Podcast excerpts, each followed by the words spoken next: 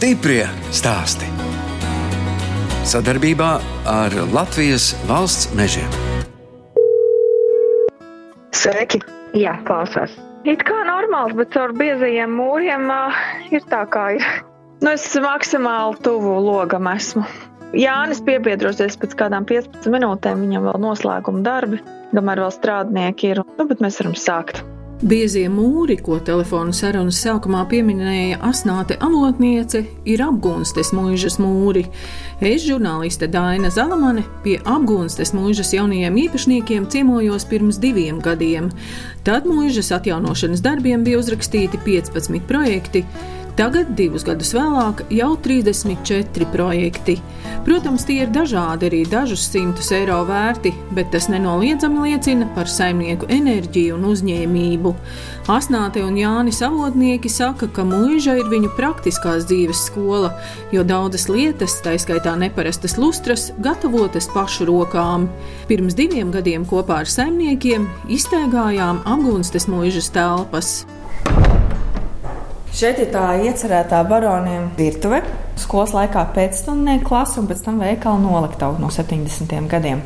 Pirmā māja talkā draudzenes smērcēja krīta sienu un nokasīja ar maziem skrāpīšiem. Ļoti skaisti atsedzās augšā redzamais ornamentu līnija, bordīte, mm. kas ir katrā telpā cita. Un to jau mēs zinājām, ka tāda būs, jo mākslinieckā izpēte tajā pirmā vasarā bija nelielus atsegumus veikuši, lai noteiktu, kas šeit ir saglabājams un kur mēs varam tā brīvāk darboties. Ar šo vietu sākas mūsu pirmais noslēgtais projekts, kas ir rezidenču centrs veiksmīgi izdevies restaurēt vecās grīdas.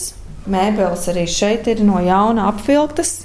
Šī ir kara laika bufete, 40. gadi visdrīzāk. Mēs viņu pilnveidojām, uztaisījām par beidzot funkcionālu. Pacēlām uz augšu, ieguvējām izlietni, ielikām plauktu, tā apgaismojums un beidzot viņi ir tāda, kāda viņiem vajadzēja būt. Ejam lejā šīm kāpnēm. Esam nonākuši apgūstas atvērtajās amatniecības darbnīcās, un vispirms ieiesim keramikas darbnīcā. Grīda bija, kaut kur bija klons, kaut kur jau iztrupējuši dēļi, kaut kur vienkārši mistisks tāds zemes klājs. Būvnieki dabūja parakt dziļāk, lai varētu izveidot šo nu jau moderno silto grīdu, lai radošā darbība var notikt visu cauru gadu. Šī ir tekstila darbnīca, kur eh, pateicoties projektam tātad nu, ir iekārtojums, izšūšanas mašīna, overlock šūna mašīna, stēles divas. Tās skaitās galda stēles, tās maziņās, jā, mazās stēles. Nu, laikam viss noslogotākā ir um, restaurācijas darbnīca. Mūžas logi, durvis šeit tiek restaurēti. Un uh, mēs gaidām arī citus, kas grib pamācīt mūs un iemācīties to, ko mēs nu jau mākam. Visas mūžas durvis un logi ir šeit uz vietas Māra. Tas ir viens personas veikums, kas ir unikāli šodienai. Jānis ir lepns par viesistabā pašu rokām atjaunoto krāsni. Bija augsts, drēgns rudens, un tad mēs sildījāmies tieši šeit, šajā galā. Bija mans spīts vienu vakaru pastīties, vai tiešām viņi jājauc nost, vai viņi var salabot. Ar asnētas palīdzību mēs izgājām tur visas cukas caurumus, atradām, kā tur tiem dūmiem jāiet. Tur kaut kas bija sabloķējies, ķieģeļi sakrituši, podiņi. Atbrīvojām tās ejas, sapratām uz būvi un tagad viņi silda. Piemēram, arī šeit, lielā zālē, mēs bijām tikko tikuši galā ar dienas gaismas lampām, metāla restēm, tapetēm un brūno eļļas krāsu un nokrāsojuši šo krītu krāsu ar atsegumiem vēsturiskiem. Tad tajā brīdī mēs bijām ļoti lepni. Nākamā dienā atbrauc turistu grupa. Kundze saka, nu, kad jūs šeit sāksiet remontu? Un tad tā ievelc gaisu, pasmaida un saka, tikko veicām, jo piemēram rādām uz sienu, ka tas ir mūsu etalons paraugs saucamajam dizaina virzienam. Šabī šik, distressed walls, latviskojot bezstresa sienas ir apbružātas sienas, vai notecējušas, vai no tāda viegla lazējuma, virskārtas. Pēc mākslinieckās izpētes katrā telpā atšķirās, bet vidēji tās ir 7 līdz pat 11 apgādes kārtas, kas šeit ir gājušas pāri. Un tas cilvēkiem patīk. Vien no simts adresēm, ko mūsdienās var apciemot, tikai varbūt trīs ir tādas apbružātas īstas. Tas bija viņa aiz uh, nabadzības, taupības, bet arī aiz tā autentiskuma, īstenības. Plaisās ir stāstījumi simtgadīgi. Mūsu gadījumā varbūt pat ir labi, ka apgūstamā nauda ir salīdzinoši neliela, jo viņu var paspēt apgūt pareizi. Ka rezultāts būs tomēr ilglaicīgs. Nu, tā lustra arī ir ļoti interesanta. 17 litri gaismas. 17 litrīgas kurču burkas un lustra pat tā. Tās ir burkas. Jā, tās ir kurču Nu, burkas. Es pa gabalu pat nesapratu. Un lustra tapa pirms mūžas. Tad bija jāpiepērk klāt māja, kur skaisti pakārt. Kurš tad ir autors lustrai? Apvienotais kopdarbs ar asnāti. Šobrīd mūžā nav viesu, nenotiek arī pasākumi, bet saimnieki laiku izmanto, lai paveiktu nepadarītos darbus. Mums bija maija vidū jānobeidz divi apjomīgi projekti, kas ir atlikušo mūžu telpu labiekārtošanu, mūžas virtuvi ar plašām palīga telpām pagrabā. Un otrs ir četras jaunas viesu viesistabas, guļamistabas ar 20 jaunradītām gultas vietām. Vēl dažas telpas ir veidojamas un gleznojamas, un izdejot no šīm te vairākām krāsu kārtām, mēģinam atkal kaut ko taisīt māksliniecisku. Mums ir pievienojies arī Jānis. Sveiki, labdien! Šajos apstākļos, kad mājās jāsēž visādas radošas idejas, vēlmes, kā realizēt būvniecības ieceres, tā ir kā pirms simts gadiem, tā kā nebija veikali. Kaļķa apmetums es iepriekš skatījos, kā to dara tikai citi meistari, bet varbūt arī bišķiņas piestā kārtā piesēdos pie pirmā kaļķa apmetuma spaiņa. Tas tik patīkams materiāls, es brīnos, kā mūsdienās viņi tik maz izmanto. Es vēl tik daudz ko esmu iemācījies par šo gadu, it īpaši par pēdējo mēnesi. Man visu mūžu likās, ka salodēt kapara caurules ir kaut kas, nu, kaut kas ļoti īpašs. Tagad mēs ar sievas kundzi paši lodējam, pulējam, pārbaudam un arī strādā. Nu, mēs konkrēti, teiksim, dviežāvētājs taisījām. Jāatzīst, brīžiem bija tā, ka liekas, nu, varbūt varētu pabrīdināt, pirms braucat ciemos pie mums, bet uh, nenoliedzami tās ekskursijas un pasākumu un atgriezeniskā saite un enerģijas apmaiņa ir uh, tas, kas pabaro dvēseli, un tas atkal dod jaunus spēkus un motivāciju. Tā enerģija, kas atnāk apakaļ, tā ir liela, un tas man personīgi pietrūkst visvairāk. Bet nu, vissmagāk ir tas, ka nevar notikt pasākumi. Uz šo vasaru jau bija pār par 40 kāzu rezervācijas. Protams, atcēlts pagaidām ir tās, kas ir līdz 12. maijam, un citi jau laicīgi pārceļ uz rudeni un vēl daži uz nākamo gadu. Ļoti liela neziņa. Bet, protams, ka vieglāk būtu, ja pasakā, nu tagad rēķinieties, pusgadu nekas nenotiks. Tad sāc pieņemt to visu un domāt risinājumus. Tagad mēs dzīvojam tādās cerībās.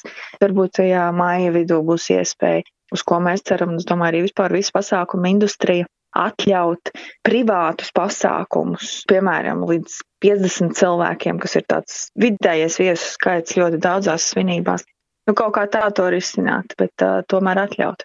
Ar, ar darbiniekiem mums ir tā, ka mums ir izteikta sezonalitāte. Un tieši šis aprīlis būtu laiks, kad mēs pieņemtu darbā sezonas darbiniekus, bet mēs nepieņēmām. Divi darbinieki mums tieši tagad arī sāk darbu ar nodarbinātības valsts aģentūras atbalstu. Un finansiāli tā pati mājas uzturēšana un mūsu izdzīvošana, nu, tas ir ļoti minimāli prasa, jo noma mums nevienam nav jāmaksā, apkurss sezona tūlīt vai praktiski ir jau beigusies. Ir telpas, kur ir malks, apkuru malka mums vēl ir daudz. Zeme, kur kaut ko iestādīt, var vēl arī to paspēt izdarīt. Tā kā es teiktu, nu, mēs esam tādā privileģētākā pozīcijā nekā viesmīlības uzņēmuma pilsētā. Bijušais rīznieks Jānis Avotnieks secina, ka tagad piepildījušies viņa kādreizējie sapņi par noslēgtu dzīvi. Ja kādreiz eh, Rīgā dzīvodams, likās, ka viss ir pārāk zināms un gribējās aizbraukt prom no pilsētas, dzīvot nomalē lielā mužā visu mūžu. Un es vēl toreiz iedomājos, kā būtu mājas skološana, tāda izolācija no ļaudīm. Kaut kādam redzams ir piepildījies tieši šobrīd. Un, laikam, visvairāk aizkustina klavieru spēle pa telefonu, kad skolotāju dzird telefonā skaidrunī. Un šajā galā spēlē gammas, un tad, nu jā, tas kaut kas tāds bišķiņas ir reāls. Klavieres mūža, bet klāt tehnoloģijas. Mans uzdevums ir pirmdienas rītā ieiet e-klasē, izprintēt un nodot uzdevumus, bet tas vairāk ir vidējai meitai, un vecākā meita lieliski pati tiek galā. Laikam tā visgrūtākā ir ar bērndārznieku, jo jāgatavojas pirmai klasei, ir jāmācās burti un rakstīt un lasīt. Nu, tas tagad ir uz mūsu pleciem. Un bez pedagoģiskās pieredzes, pieejas un lielas pacietības nav viegli. Es esmu arī par ļoti daudz lietām pateicīga šim periodam. Pirmkārt, pieķerties klāt tām lietām, kam ikdienas skrējienā nav laika noliktavu ģenerālā kārtošana. Daudz kas interesants tika atrasts, šķietami pazudušas dekorācija lietas vai, vai sveces, ko zinu, kādreiz ir pirktas, bet nav varēts atrast tā, kā vajag. Par tām jaunām prasmēm konkrēti es varu nu, jau sevi saukt par divu dienu vecu vai jaunu šuvēju. Skatījos, kā to dara vīra mamma un domāju, nu, taču arī varētu pamēģināt. Un tad jau pieci aizkari ir uztapuši pat ar diezgan taisnām vielēm. Bet arī, ja tur, kur nav, te vismaz būs tāds atmiņas par šo laiku un uh, par to, ka tas ir paši darīts. Šogad 4. maijā aprit tieši 30 gadi kopš Latvija atguva neatkarību. Tolaik Jānis un Asnāte vēl bija mazi bērni. Es atceros tādus īsus uzplaiksnījumus no bērnības par Baltijas ceļu, par barikādēm, jo Rīgā dzīvojām uz Barona ielas. Atceros, kad mēs arī kaut kur bijām. Pirmajā žigulī braucām tālu, stāvējām tajā garajā kolonnā, kur tagad ierakstījuši Guinness rekordu grāmatā. Tas liekas kaut kas, kaut kas tāds īpašs par mums, latviešiem, pa visiem baltiešiem. Atceros, kā es stāvēju rindā, pasūtījumu galdā pēc cīsiņiem, kamēr māma gāja uz otru veikalu stāvēt rindā. Pa taloniem pirkām cukuru. Bija tādi dīvaini laiki. Ģimenē mēs šobrīd 4. māju atzīmējam ar brokstīm pie klāta galda, vēlams ar balto galdavu. Un, un šogad tas bija ieplānots 3. un 4. mājas kā divu dienu radoša talka cinieku sasēšanos pie balta klāta galda. Šogad izpaliks. Iesim dīķa malu sakopt, zvejosim dūņus ārā no dīķa kad skatās tādā pasaules kontekstā, tad es ļoti lepojos ar mums latviešiem. Un to es spriežu pēc pie mums esošajiem māksliniekiem. Jo, lai no kurienes viņi brauktu, vienmēr var redzēt to, ka viņiem ir prieks būt Latvijā, viņiem ir prieks par latviešiem, par visu, ko viņi Latvijā redz, un viņi grib atgriezties. Tā kā novēlu latviešiem Latvijā priecāties līdz galam par to, ka mēs tādi esam. Novēlējums laikam Tas pats, ko es mēģinu novēlēt sev katru dienu, atrast šajā visā vismaz vienu, trīs lietas, par ko priecāties, lai arī varētu šķist, ka šis laiks ir ļoti ierobežojošs. Tomēr, kā Latvija, kā tauta, mēs esam brīvi ierobežo mūs šobrīd vīrus. Ir grūti, bet ir jāpalēlina temps, ir jāpabūst savā mazajā mikrokosmosā, sevi kaut ko atklāt, pārdomāt, sakārtot vidi, sakārtot domas, lai atsākoties visam pamazām būtu tāds restarts, lai mums būtu cits skatījums uz tādām pašsaprotamām lietām, lai mēs tās vairāk novērtētu nu, un arī padomātu par to, kādas pēdas aiz mums paliek un ietekmi, ko mēs atstājam pēc savas darbības. Maksimāli atbalstīt vietējus ražotājus un, un zemniekus, meklējot šīs tiešsaistes piegādes. Tās labās prakses, ko esam iesākuši šobrīd, nepazaudēt. Tajā brīdī, kad tas beigsies un varēsim atgriezties pie tāda ierastāka dzīves ritma. Stiprie stāsti!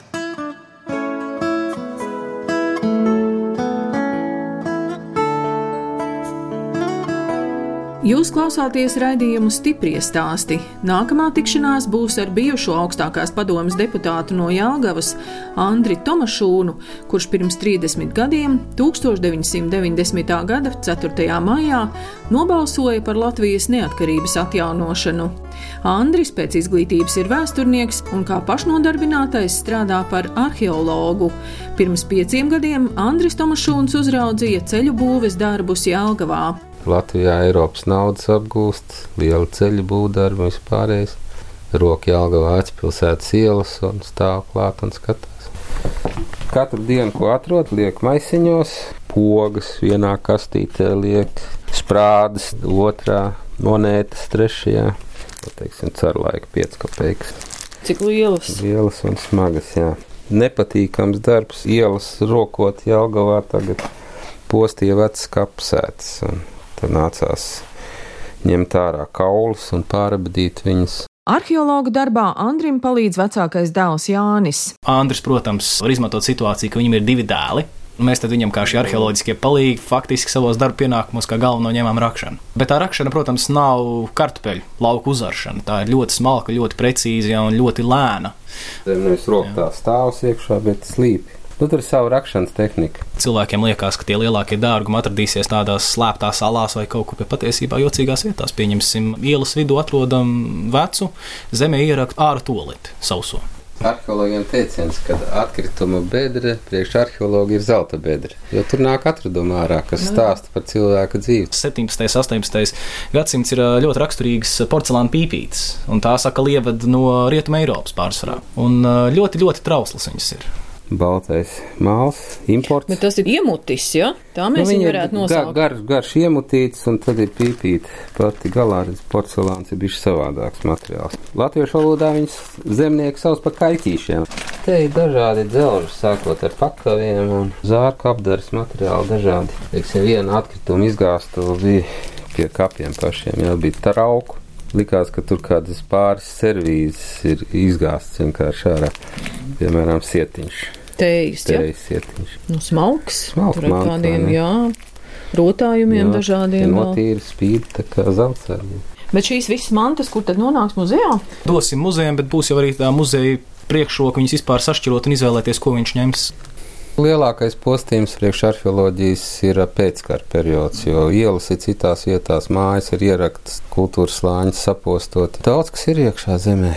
Vienīgi atkal domāšana, nu, Jālgavā cilvēki iet pa ielu, viņam nerādās, ka tur ir 750 gadu vēsture, tā ir tikai zem zemes palikusi. Un tā kā būvdarbs veids, un, teiksim, firma kaut kāda no Ventspils novinnē konkursu, viņiem jau tā Jālgavas vēsture ir miglu bildi. Mums tepat gar māju raka, ko tur lika iekšā siltumtrasa. Un ka viņam stāsta, ka te ir jēkaba kanāls bijis 3 km garumā, vai ne, un ka vajadzētu pastīties kultūras lāns tomēr. 1650. gados kaut kad jēkaba laikos rokviņā. Tas nav nekāda kanāla. Kas notiekās, ja iela ir 1200 metri gara un 30 metri plata norakt ar ekskavatoriem. Visu to zemi aizved uz pastas salu, tad mēs viņu tagad saucam te mājās par dārgumu salu, jo visi Jālgavas vēsturi ir savesti tur. Mēs jau tikai šo to izrāvām no tā ekskavātora apakšas.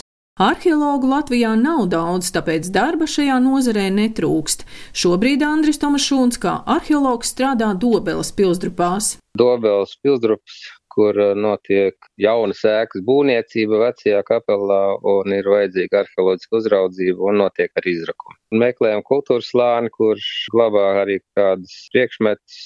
No senlietām mēs redzam to, kas Latvijas vēsturē parasti ir zemē, tātad sākot ar zemgaļiem, kas šeit ir dzīvojuši Dovelē, pēc tam nāk Livonijas laiks, krustneši, un tad ir kurzems hercogists laiks. Protams, sadzīves priekšmeti ir rotas lietas, krāsnes podiņi, būdetaļas, naglas, logu veituri, un ir ķieģeļi, kaziņu un sunīšu nagu iespiedumiem. Ir kāda monēta, kas ļauj mums arī datēt šos kultūras slāņus. Tādu super kaut kādu interesantu atklājumu, kas uzreiz būtu jāliek lielā žurnālā uz vāka, šobrīd nav. Un, protams, pa virsu 20. gadsimts ar diviem kariem un pudeļu daudzītājiem, kas arī ir šajās pilgrupās pavijuši. Tā kā Latvijā daudzās vietās kaut kas notiek, tad uh, arheologi ir pārsvarā spiest šobrīd nodarboties ar arheoloģisku uzraudzību. Un tas nozīmē, ka viņi īsnībā uzrauga kaut kādus būvdarbus, kas notiek arheoloģiskā pieminekļī. Tajā ziņā darba pietiek, jā. Pagājušajā gadā bija jāatsaka arī gribētājiem, nevar visur tikt kur es strādāju pēdējā laikā - Krustpils, Koknese, Jelgava, bija tikko Liepājā, Sabili, Sabili sinagogā vēl notiek būvdarbi. Bet laukums ir pārbūvēts. Ja Sabilē būtu laukumu atraduši vecās ordeņa laika pils palieks, tad tur tie darbi būtu aizgājuši savādāk. Šobrīd tur laukums ir pabeigts, pils apakšā nav. Andra dēli Jānis un Juris arī ir vēsturnieki. Vecākais dēls Jānis strādā zemesardzē Jāgavas 52. kaujas atbalsta bataljonā. interese par militāro jomu sekoja vēsturē, tāpēc, ka bērnībā piedaloties daudzos dažādos pasākumos, par ko gan 8, 9 un 10 gadus vecs būdams nebija pārāk laimīgs. Tā teikt, ka tēvs līdzi ņēma uz visiem kultūras pasākumiem. Tomēr tas ielika diezgan agri pamats arī par vēstures zināšanu. Vēsture, kā jau ziniet, ir um, pilna ar pierādījumiem tam, ka ir jābūt gatavam aizstāvēt sevi un savus mīļos un savu dzimteni.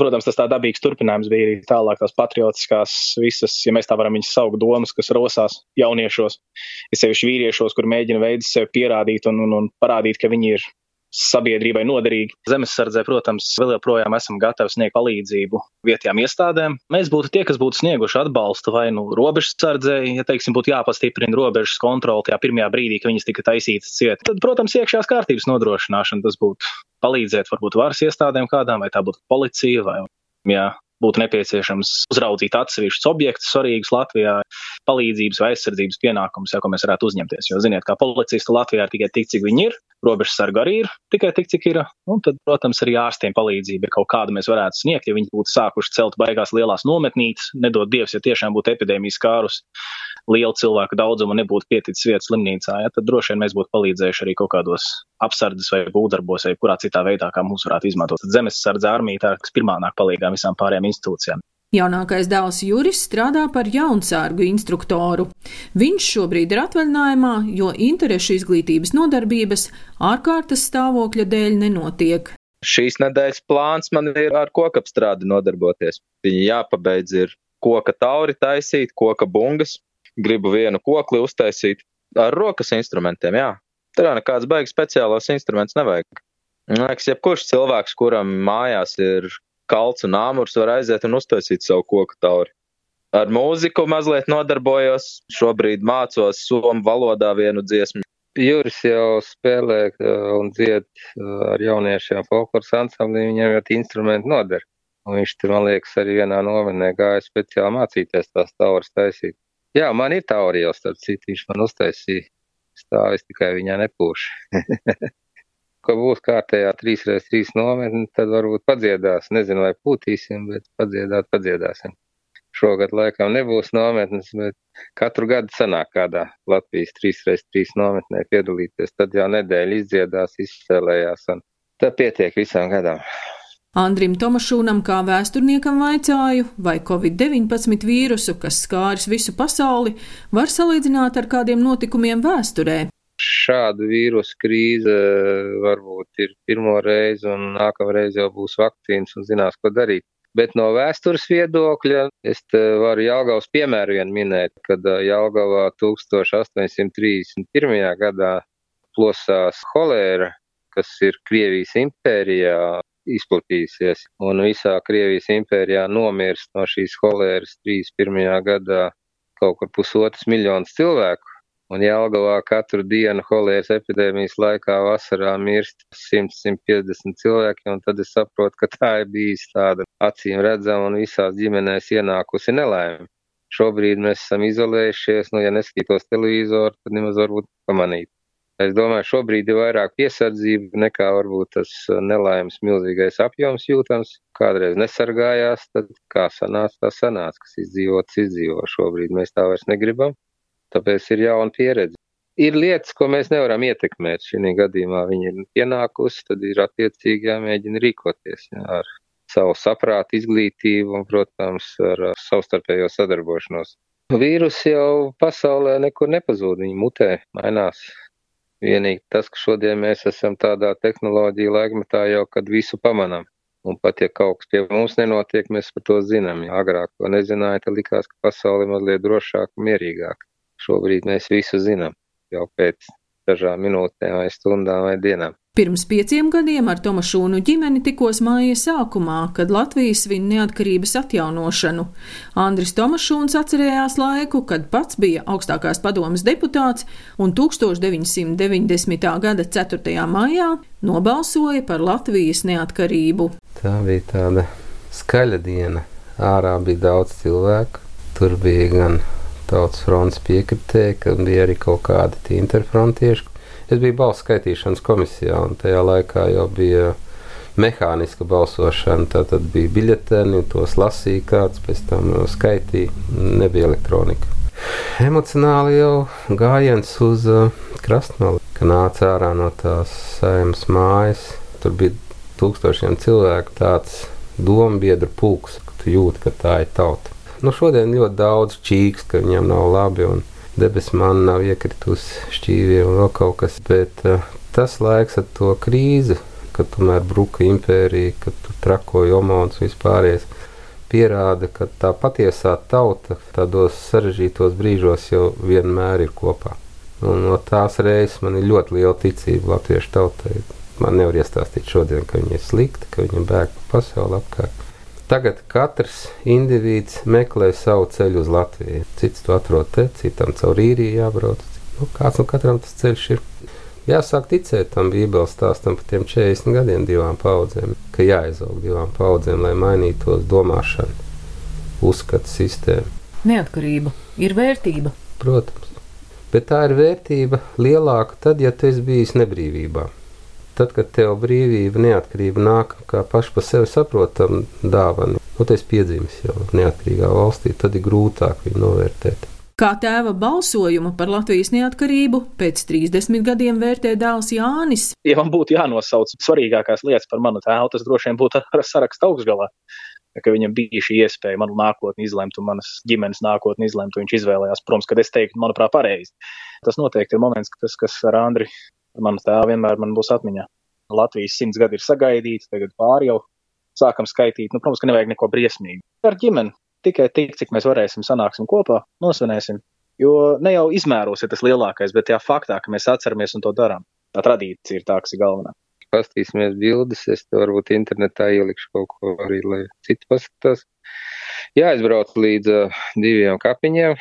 Reimans un Raitas Černais guļ, ja te man tuvumā ir jānoliek kāda puķe. Tā kā klusi mierīgi. kaut gan apaļu jubileja, bet nu, būs klusi un mierīgi.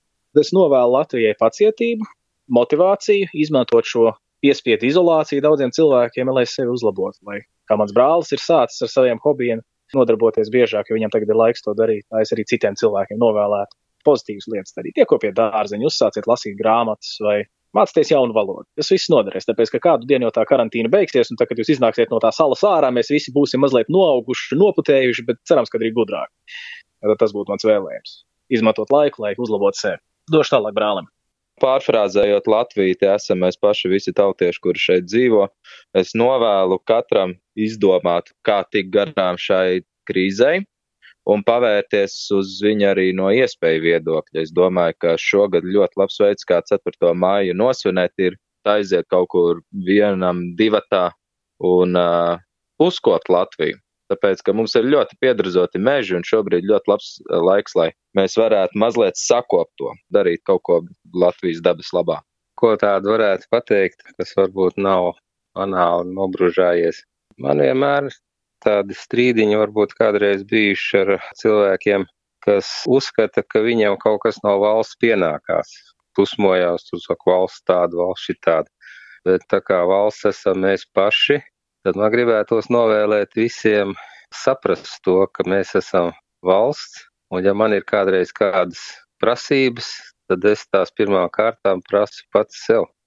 Nevis gaidīt, ka kāds cits izdarīs, tad valsts paliks tikai labāka un mums visiem būs par to prieks. Strādāsim katrs savā vietā, ja labi darīsim savu darbu, valsts būs burvīga, jauka un mīļa arī pret mums.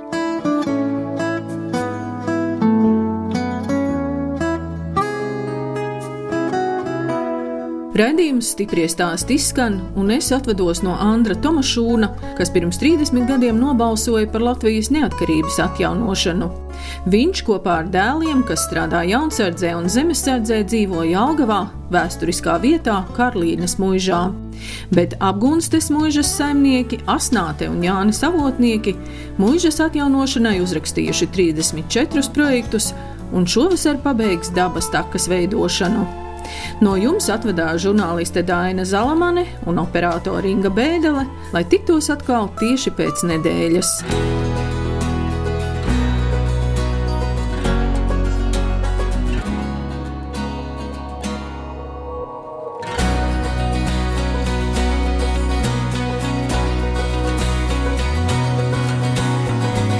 Stiprie stāsti. Sadarbībā ar Latvijas valsts mežiem.